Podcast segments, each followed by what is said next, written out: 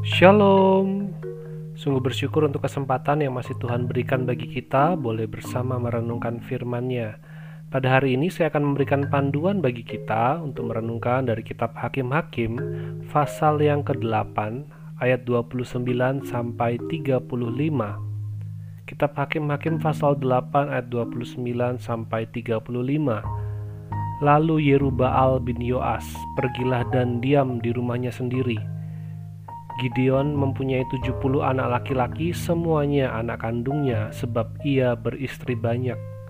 Juga gundiknya yang tinggal di Sikem melahirkan seorang anak laki-laki baginya, lalu ia memberikan nama Abimelek kepada anak itu.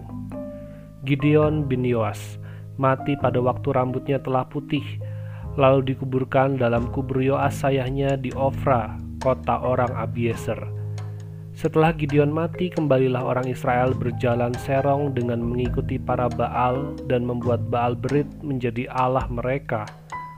Orang Israel tidak ingat kepada Tuhan Allah mereka yang telah melepaskan mereka dari tangan semua musuhnya di sekelilingnya, juga tidak menunjukkan terima kasihnya kepada keturunan Yerubaal Gideon, seimbang dengan segala yang baik yang telah dilakukannya kepada orang Israel.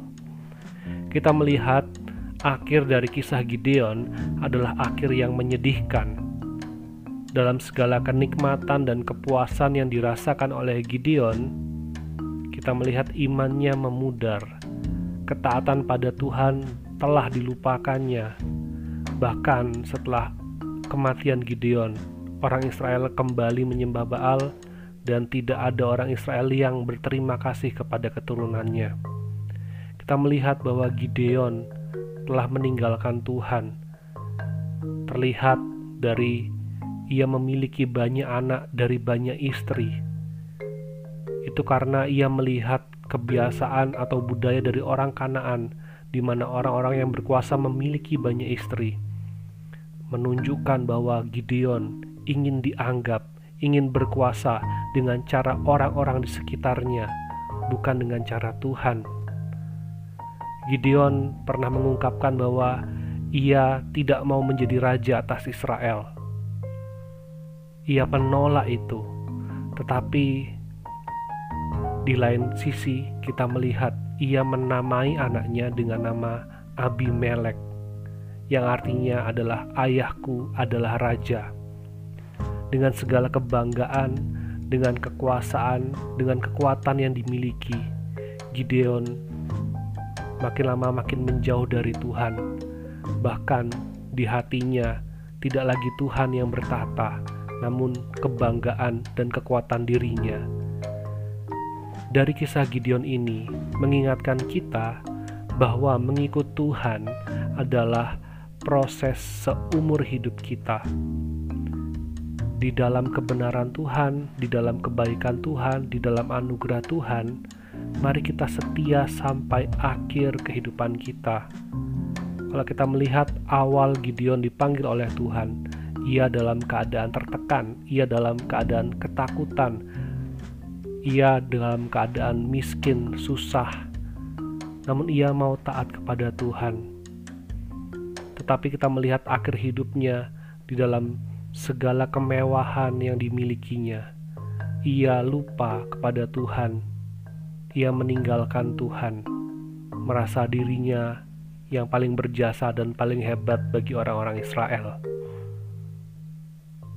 Dari kisah ini mengingatkan kita untuk senantiasa fokus menyembah Tuhan, taat kepada Tuhan di dalam segala keadaan, dalam keadaan baik, dalam keadaan buruk, dalam keadaan sehat, dalam keadaan sakit, di dalam suka, di dalam duka. Mari kita ingat Tuhan kita agar kita tidak lupa diri dan kehilangan kendali. Seorang Kristen, seorang pengikut Kristus, seorang murid Kristus adalah seorang yang menjalani seluruh kehidupannya dengan dedikasi kepada Tuhan, dengan pengabdian penuh kepada Tuhan dalam segala bidang yang kita kerjakan. Kita abdikan itu, kita persembahkan kehidupan kita kepada Tuhan sebagai persembahan yang hidup. Artinya di dalam segala sesuatu kita berusaha untuk mengenal Tuhan, untuk mengerti rencana Tuhan dan menjalani segala kehidupan kita sebagaimana yang sudah Tuhan rancangan bagi kita untuk menjadi berkat bagi sesama, untuk menyatakan kasih Tuhan kepada sesama kita. Mari kita berkomitmen untuk terus menjaga hati kita, untuk terus menjaga fokus kita kepada Tuhan, sehingga kita di dalam segala keadaan kita boleh terus menyembah Tuhan, menjadikan Tuhan senantiasa raja di dalam kehidupan kita. Kiranya anugerah Tuhan, kebaikan dan kasih Tuhan itulah yang menguatkan, menopang, dan menolong kehidupan kita. Tuhan Yesus memberkati.